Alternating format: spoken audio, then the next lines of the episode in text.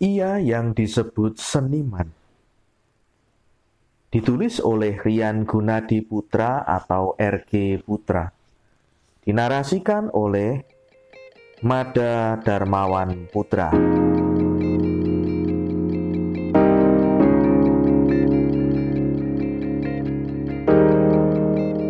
Di mataku telah kurekam banyak peristiwa Orang-orang bisa membacanya di kerut wajahku.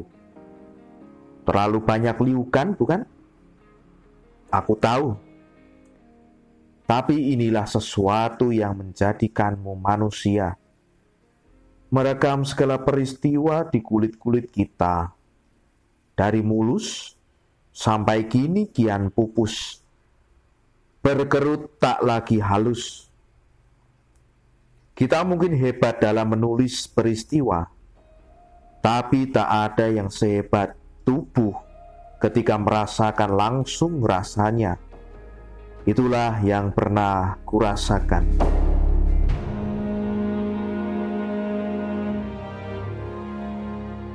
Apa kau mau mendengar sebuah cerita, Nak? Cerita? Cerita apa, kek? Nakula yang sedari tadi sibuk membolak-balikan buku dongeng, seketika menutup bukunya. Lalu duduk di lantai menghadap kakek yang nyaman di kursi goyang. Hampir satu jam mereka duduk dalam diam. Baru setelah kakek menawarkan sebuah cerita, ruang itu sedikit berkurang sunyinya. Nakula suka membaca tapi kisah yang dituturkan secara langsung selalu menarik perhatiannya. Seakan ia mengerti bahwa sebuah cerita selalu menjadi kenangan terbaik di antara manusia, lebih-lebih yang dituturkan secara langsung antara kakek dan cucu. Lagi pula, ia pun diminta menemani kakeknya lumayan mengisi waktu bersama dan menyudahi keheningan sedari tadi. Kakek mulai bercerita. Dulu di masa ketika manusia merasakan betul gairah hidupnya, kita berbondong-bondong membuat karya. Keadaan pernah memaksa kita untuk kreatif memaksa otak berpikir dua kali. Sebab masa itu adalah masa ketika seni dicurigai. Kakek hanya pemuda yang dianggap kawakan dalam menulis. Hanya karena beberapa tulisan kakek dimuat di surat kabar. Bukan berarti kakek sudah sekawakan itu. Lagi pula, tulisan kakek rasanya masih tak enak di lidah, tak enak dibaca. Masih belibet mencari kosakata yang pas. Tapi tentu saja, kawan-kawan kakek selalu tahu cara memberi alasan bahwa kakek keliru. Tulisan kakek punya daya tarik sendiri katanya. Cara kakek menilik sebuah peristiwa ke dalam tulisan seperti pemotret lanskap. Detail tapi metaforis, ringan tapi tak praktis. Layak dipentaskan, kata mereka. Sebenarnya bukan kakek punya mata potret lanskap. Kakek hanya berusaha menangkap pesan dalam peristiwa dari gerakan kecil tanpa sadar, dari ketidakpastian yang pasti mereka dengar. Seperti apa yang mungkin tersirat ketika sehelai rambut jatuh dan kau berhasil menyadarinya? Itu benda kecil, hanya sehelai. Tapi di antara banyak kemungkinan terlewat, kau malah menyadarinya. Tidakkah ada sesuatu di balik itu semua? Sama seperti kekhawatiran kakek kala itu. kekhawatiran orang-orang pekerja seni di masa yang begitu angker untuk sekedar berekspresi. Sesuatu yang kecil itu terlihat dan kami menangkapnya sebagai pesan untuk bergerak. Dan itu syukur kakek ucapkan. Kakek berhasil menggambarkannya dengan baik. Motivasi kakek sesederhana itu tak lebih. Tapi keadaan kadang membuat kakek terlalu dipenuhi inspirasi. Segala macam hal kakek comot, kakek carikan kata-kata yang pas, maka jadilah sebuah lakon yang lengkap dengan pesan tersembunyi di dalamnya.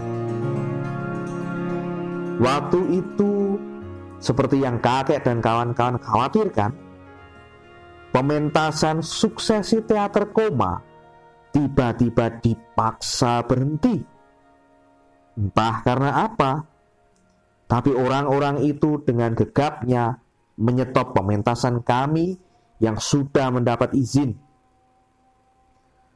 Mereka menyangka kami melakukan pementasan yang menyimpang dari seharusnya.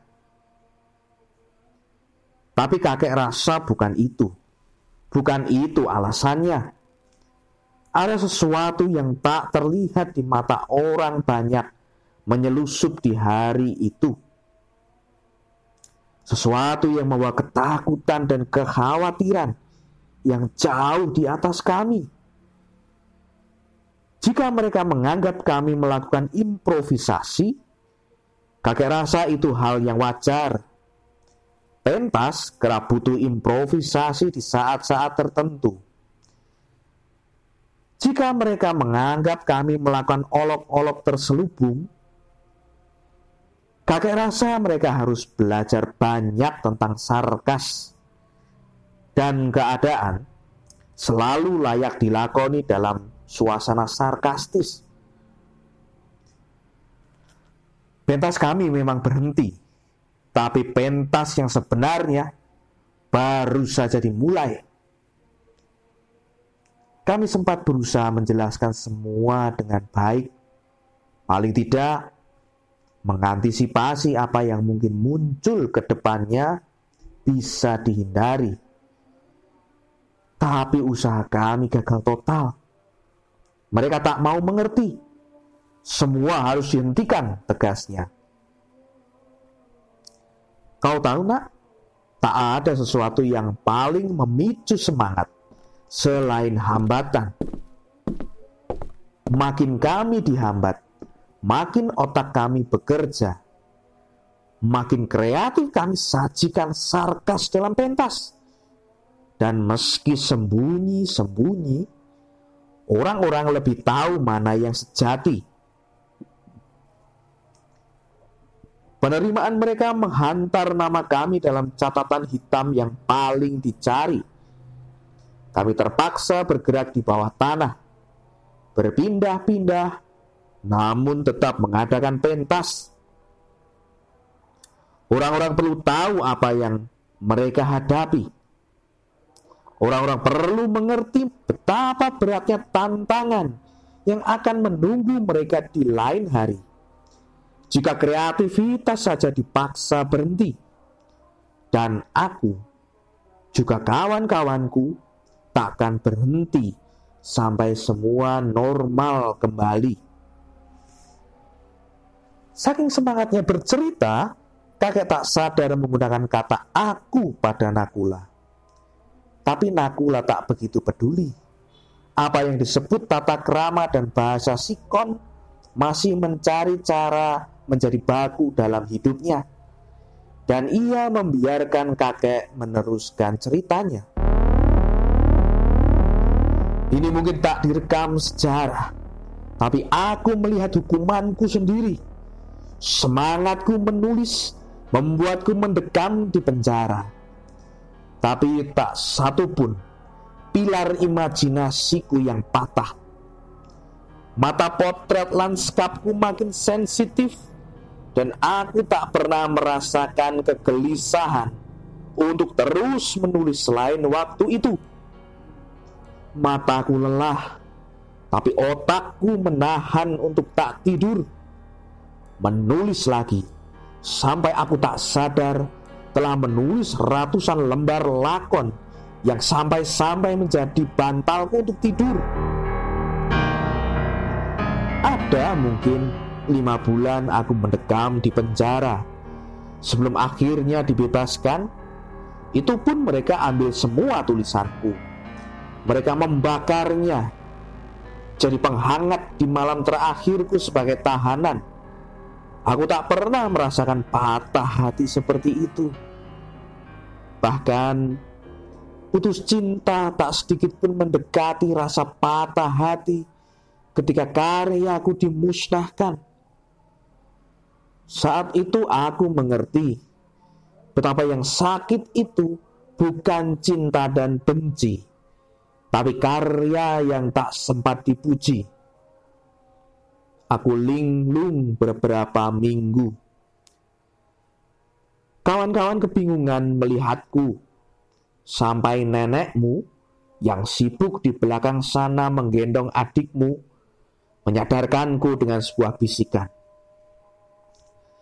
Uang bisa kembali, harta bisa dicari, cinta bisa menepi Kenapa putus pada sesuatu yang tak pernah pergi?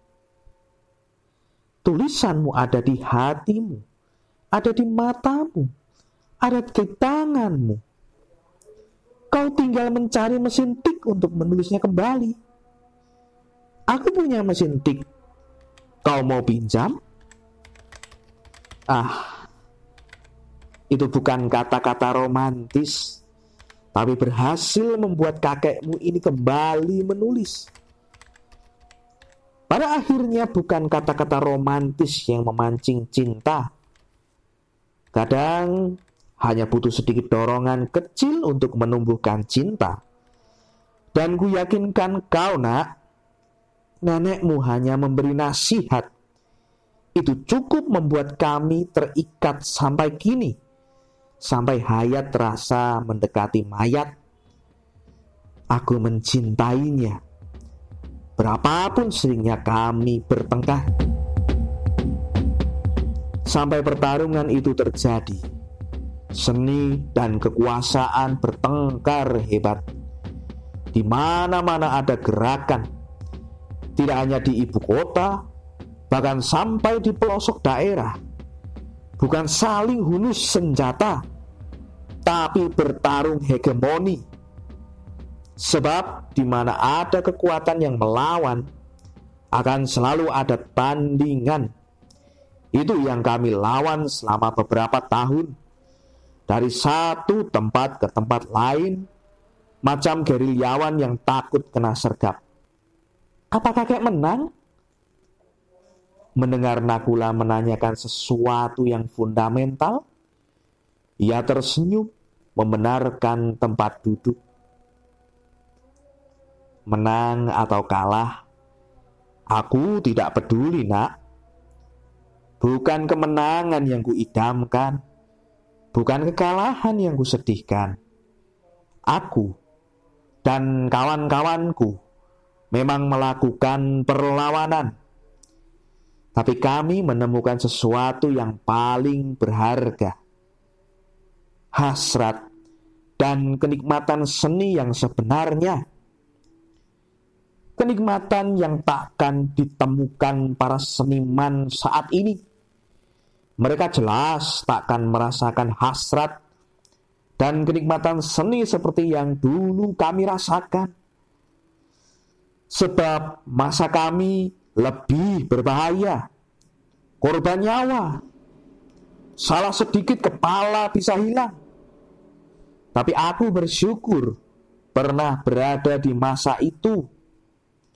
Bahkan aku sempat berpikir, jika saja tak ada kondisi yang memaksa kami demikian, mungkin kami pun tak lebih dari seniman papa yang membual di atas kertas dengan imajinasi dari secangkir kopi instan. Kakek menarik napas sesaat. Menenangkan sisa-sisa gairahnya yang entah bagaimana, menemukan jalan untuk kembali. Untuk itu, lanjutnya, bertarunglah nak, bertarunglah dengan keadaan. Ia akan membimbingmu menemukan hasrat sebenarnya, membuatmu mengenal titik penghabisan kemampuanmu. Sebab hidup hanya tentang menemukan rasa, dan rasa takkan menunggumu bangun tidur begitu saja. Kalau apa yang sedang kalian bicarakan? Nenek tiba-tiba mengejutkan mereka. Baru saja kakek hendak menyampaikan pesan yang paling penting untuk Nakula, nenek datang membuatnya lupa. Kakek sedang belum juga selesai bicara, Nakula melihat kakek memberi isyarat agar Nakula tak memberitahu neneknya. Nanti, Nakula akan tahu rahasia di balik semua itu. Ah, tidak. Kami hanya berbagi cerita. Nakula sedang bercerita tentang teman-teman sekolahnya, ya kan? Sembari mengerjitkan alis ke arah Nakula. Aku, uh, aku sedang menasihatinya agar berteman dengan orang-orang baik. Ya, begitulah. Sambung kakek menerangkan dengan senyum paling kikuk yang pernah ia lakukan.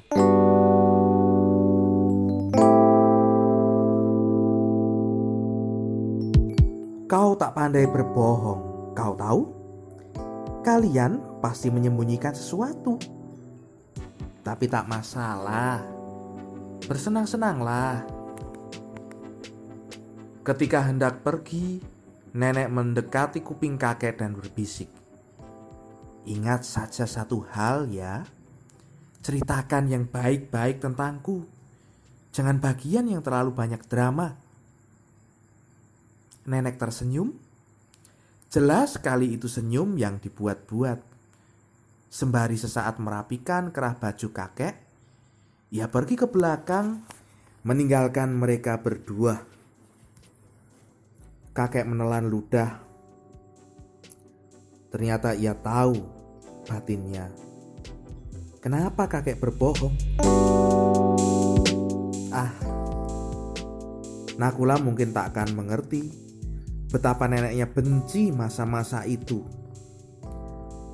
Bukan karena harus mengingat ia pernah turut di penjara dan mendapat siksaan, tapi karena ia tak bisa menghadapinya seperti kakek. Jika saja umur Nakula sedikit lebih besar, kakek pasti akan menceritakan masa ketika neneknya harus turut di penjara setelah mementaskan pertunjukan. Tapi mungkin lebih baik ia menceritakan kisah tentang koin emas Sultan Goa Talu. Ada kisah-kisah yang baiknya menjadi rahasia. Ada kisah-kisah yang memang wajib diceritakan. Tapi kisah tentang nenekmu atau mengapa kakek kembali menggunakan kata kakek berbohong tadi? Rasanya tak bisa kakek ceritakan. Mungkin ada satu yang layak kau dengar. Kisah nenekmu dan koin emas Sultan Goa Talu. Ini terjadi jauh sebelum kakek di penjara. Lebih tepatnya ketika kakek baru mengenalnya. Hari itu adalah hari paling tentram yang pernah kakek rasakan. Jalan-jalan sedikit lebih lengang, tak ada klakson yang saling bersautan, tak ada orasi di jalanan. Semua nampak tenang. Sampai di alun-alun kota, barulah suasana jadi sedikit bising. Seorang perempuan berkemeja hijau kebesaran berteriak tak jelas. Ia memarahi seorang lelaki berambut panjang yang berusaha membeli lukisannya. Perempuan itu bersikeras lukisannya tidak untuk dijual. Ia di sana hanya untuk pameran, bukan hendak menjual. Kakek ingat betul kata-katanya dulu. Pergilah, orang yang bersekeras hendak memiliki sesuatu selalu minim rasa empati. Seni tidak untuk dijual. Seni hanya untuk dinikmati. Tak perlu harus kau miliki baru kau merasakan kenikmatan itu. Pergilah. Mau tak mau, lelaki berambut panjang itu pergi dengan wajah kelabakan. Ia malu diteriaki seperti itu. Lebih-lebih di tempat umum. Kalau itu aku, kembali menggunakan kata aku, pasti juga sudah lari terbirit-birit. Aku terkekeh sendiri melihat nenekmu. Ia memang begitu. Tak suka memberi nilai jual pada seni. Seni adalah sesuatu yang tak memiliki nilai jual. Seni lebih dari itu. Nilai yang dimiliki seni adalah mistik, tak terlihat, tapi bisa menyentuh batin seseorang. Seni bukan sekedar tentang rupa dan bentuk, jauh di atas itu. Entah ia yang menangkapmu atau kau yang menangkap sesuatu darinya, itulah seni. Ah, aku ingat betul pertemuan pertama kami. Alun-alun kota jadi saksi bisu yang diam-diam mereka merasa yang hampir bisa jadi abadi. Tentu saja jika bisa abadi atau hidup kembali, aku akan memilih untuk jatuh cinta pada nenekmu lagi.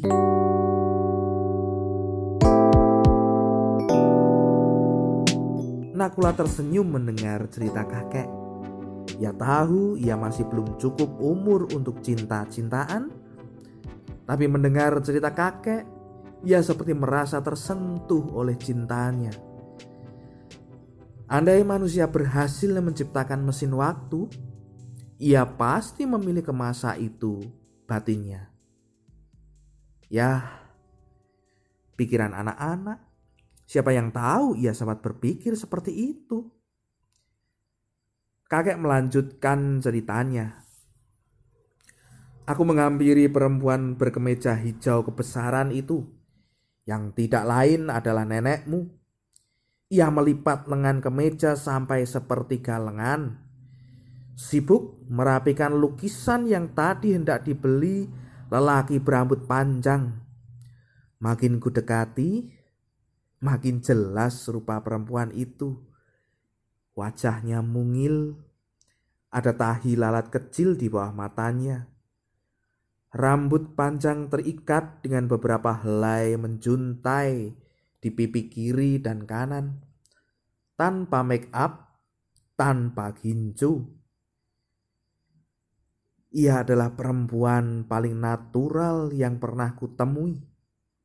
Tapi tentu saja, saat itu aku belum jatuh cinta. Masih sekedar ingin tahu apa yang terjadi juga tertarik pada lukisan koin emas Sultan Goa Talu. Aku berjongkok memperhatikan lukisan itu. Cat minyak yang begitu halus menemukan alur guratan yang sempurna. Pastilah dari tangan seorang seniman kawakan. Aku merasakan sesuatu menghasut batinku saat itu, seperti bisikan untuk tulisan Koin emas hanya uang, hanya nilai jual. Betapa kita sebenarnya mendapat legasi paling mematikan dari sejarah lama. Uang adalah wabah paling mematikan yang diturunkan dari masa ke masa jika mau nikmati seni kan mas? Celetuk perempuan itu memutus narasiku. Padahal lagi seru-serunya. Ah, uh, iya, tentu saja. Uh, bukan mau beli kok. Syukurlah, banyak orang yang tidak mengerti seni.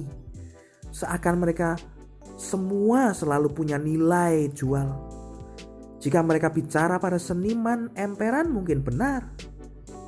Bisa jadi punya nilai jual tukasnya. Senyap sesaat karena aku sendiri bingung mau membalas apa. Apa aku berlebihan? Nenekmu tiba-tiba menanyakan sesuatu seperti ia menyesali sifatnya tadi. Mungkin ia pun sebenarnya sedikit berlebihan. Tapi kurasa orang-orang punya pendiriannya sendiri.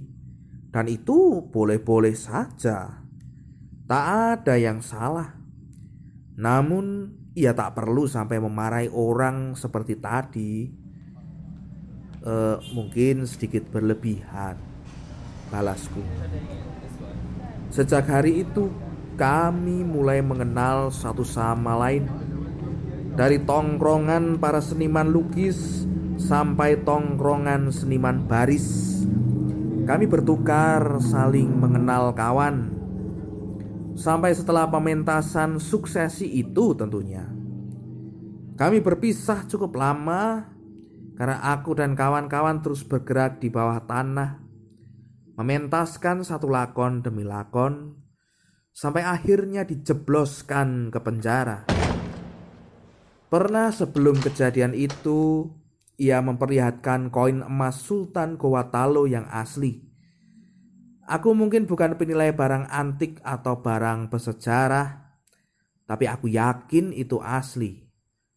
Sebab orang tuanya memang pengoleksi barang-barang antik dan lukisan koin emas Sultan Talo hari itu juga dilukisnya dari benda asli. Hari itu ia mengajakku ke rumahnya dengan kawan-kawannya juga tentu saja. Karena waktu itu kami memang masih sebatas teman tongkrongan.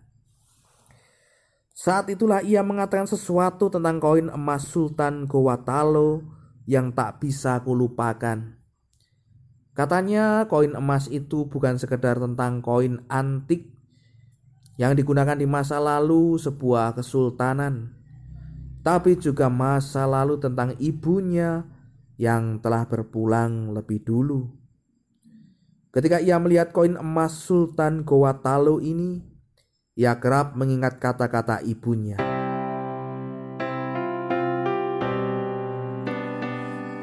Ada sejarah yang tersimpan di koin emas ini.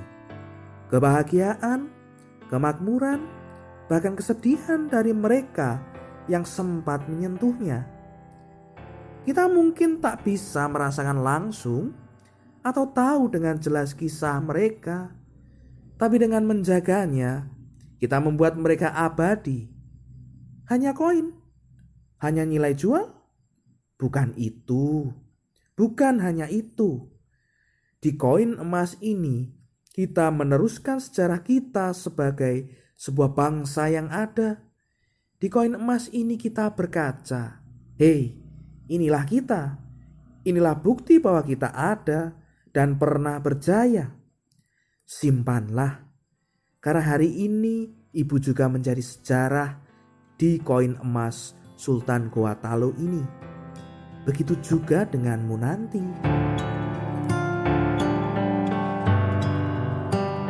Nenekmu berkaca-kaca ketika menceritakan itu. Seakan kerinduan menjadi debu yang masuk ke matanya, memaksa air mata hendak tumpah.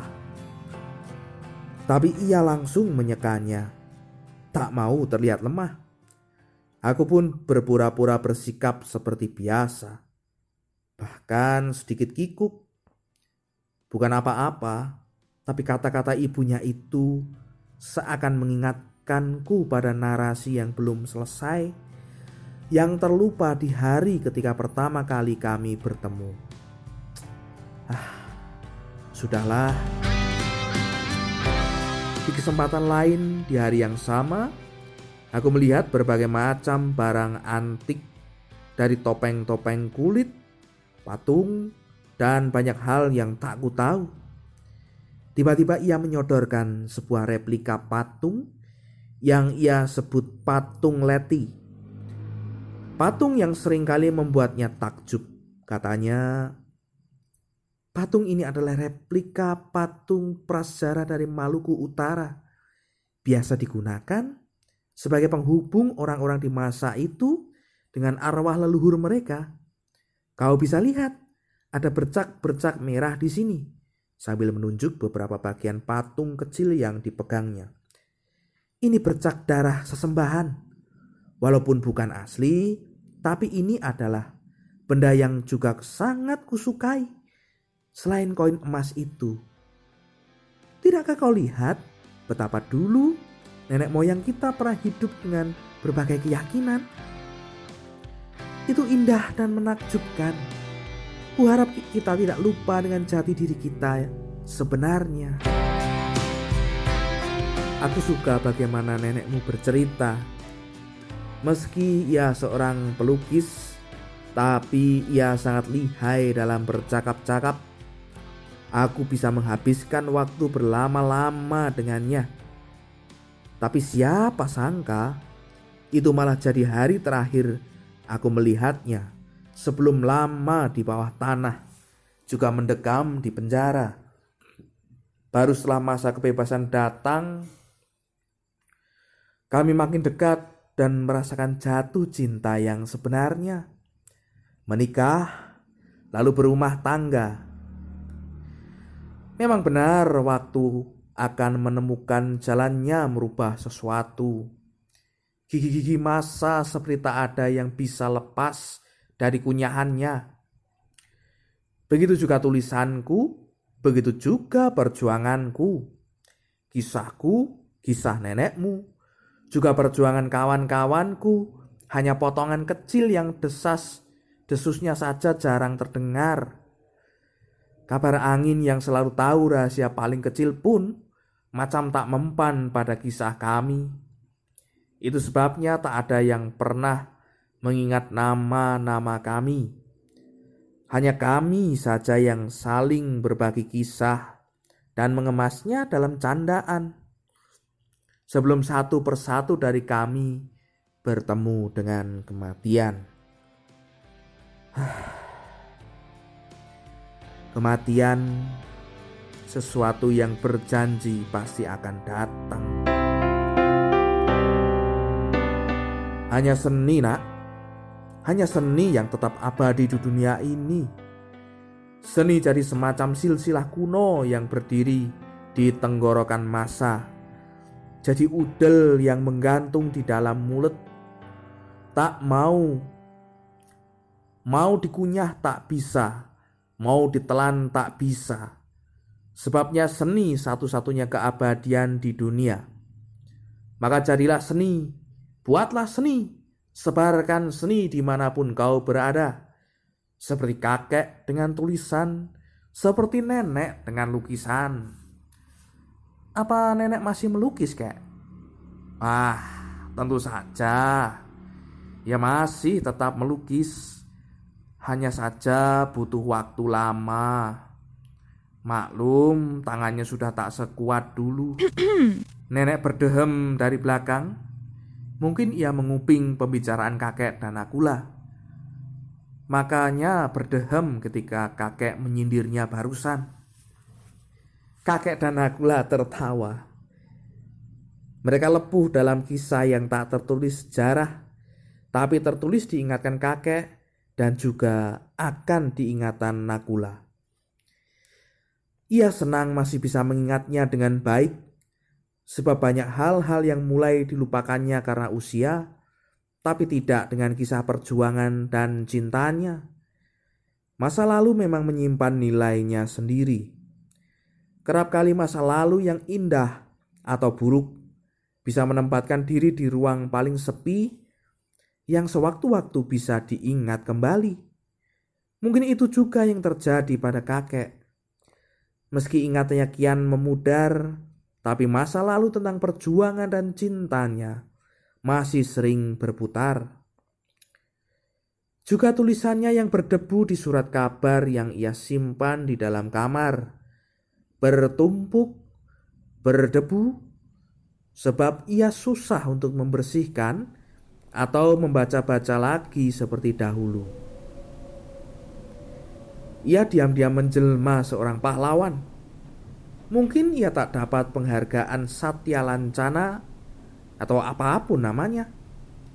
Tapi sejarah bawah tanah akan tahu, akan ingat betapa yang membuat negeri ini kembali normal justru dari orang-orang seperti kakek. Seniman yang entah ia sendiri pun sedikit egois memberi ukuran pada julukan seniman itu. Harap maklum, apa yang ia lewati membuatnya agak canggung dan sedikit keras. Tapi ia tetap seorang kakek yang baik Entah di masa depan, mungkin Nakula akan meneruskan sejarahnya atau sekedar membagikan ceritanya pada sanak keluarganya kelak. Paling tidak, kakek menemukan jalan untuk dikenang dari sejarah yang memang pilih-pilih untuk mencantumkan orang dalam tulisan. Ah,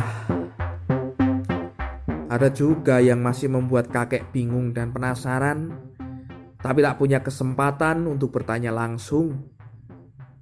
Seorang pria yang sering datang berkunjung sampai sekarang. Bahkan mungkin nanti atau besok ia datang lagi kemari. Siapa itu, kek? Kakek kurang tahu. Tapi ada satu orang yang masih benar-benar mengagumi lukisan nenekmu Padahal banyak dari lukisan nenekmu sudah dihibahkan ke sebuah museum di tengah kota. Tapi ia seperti tak puas dengan lukisan yang ada di sana dan datang kemari melihat lukisan nenekmu di ruang tengah. Pria itu sering memakai topi bundar macam orang dulu-dulu, bahkan sering memakai sarung. Rambutnya panjang, dengan uban yang terlihat memutih di sana sini. Kalau tak salah, orang-orang menyebutnya Presiden Jan Cukers. Aku tak tahu kenapa ia disebut demikian.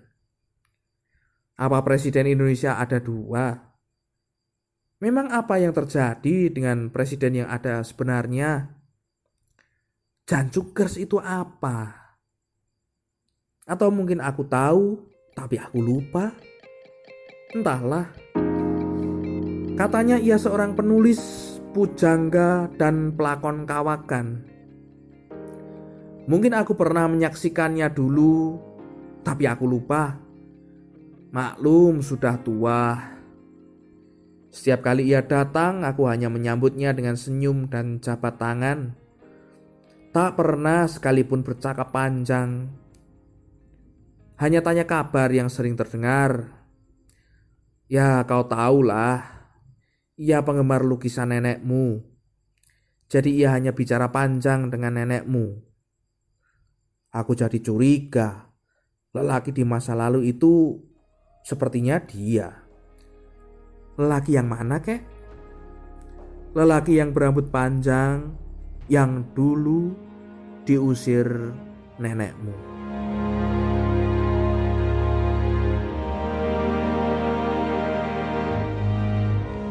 Sastra suara ini adalah kerjasama di Valitera bersama Retas Budaya dan Gramedia Writing Project yang didukung oleh Rekata.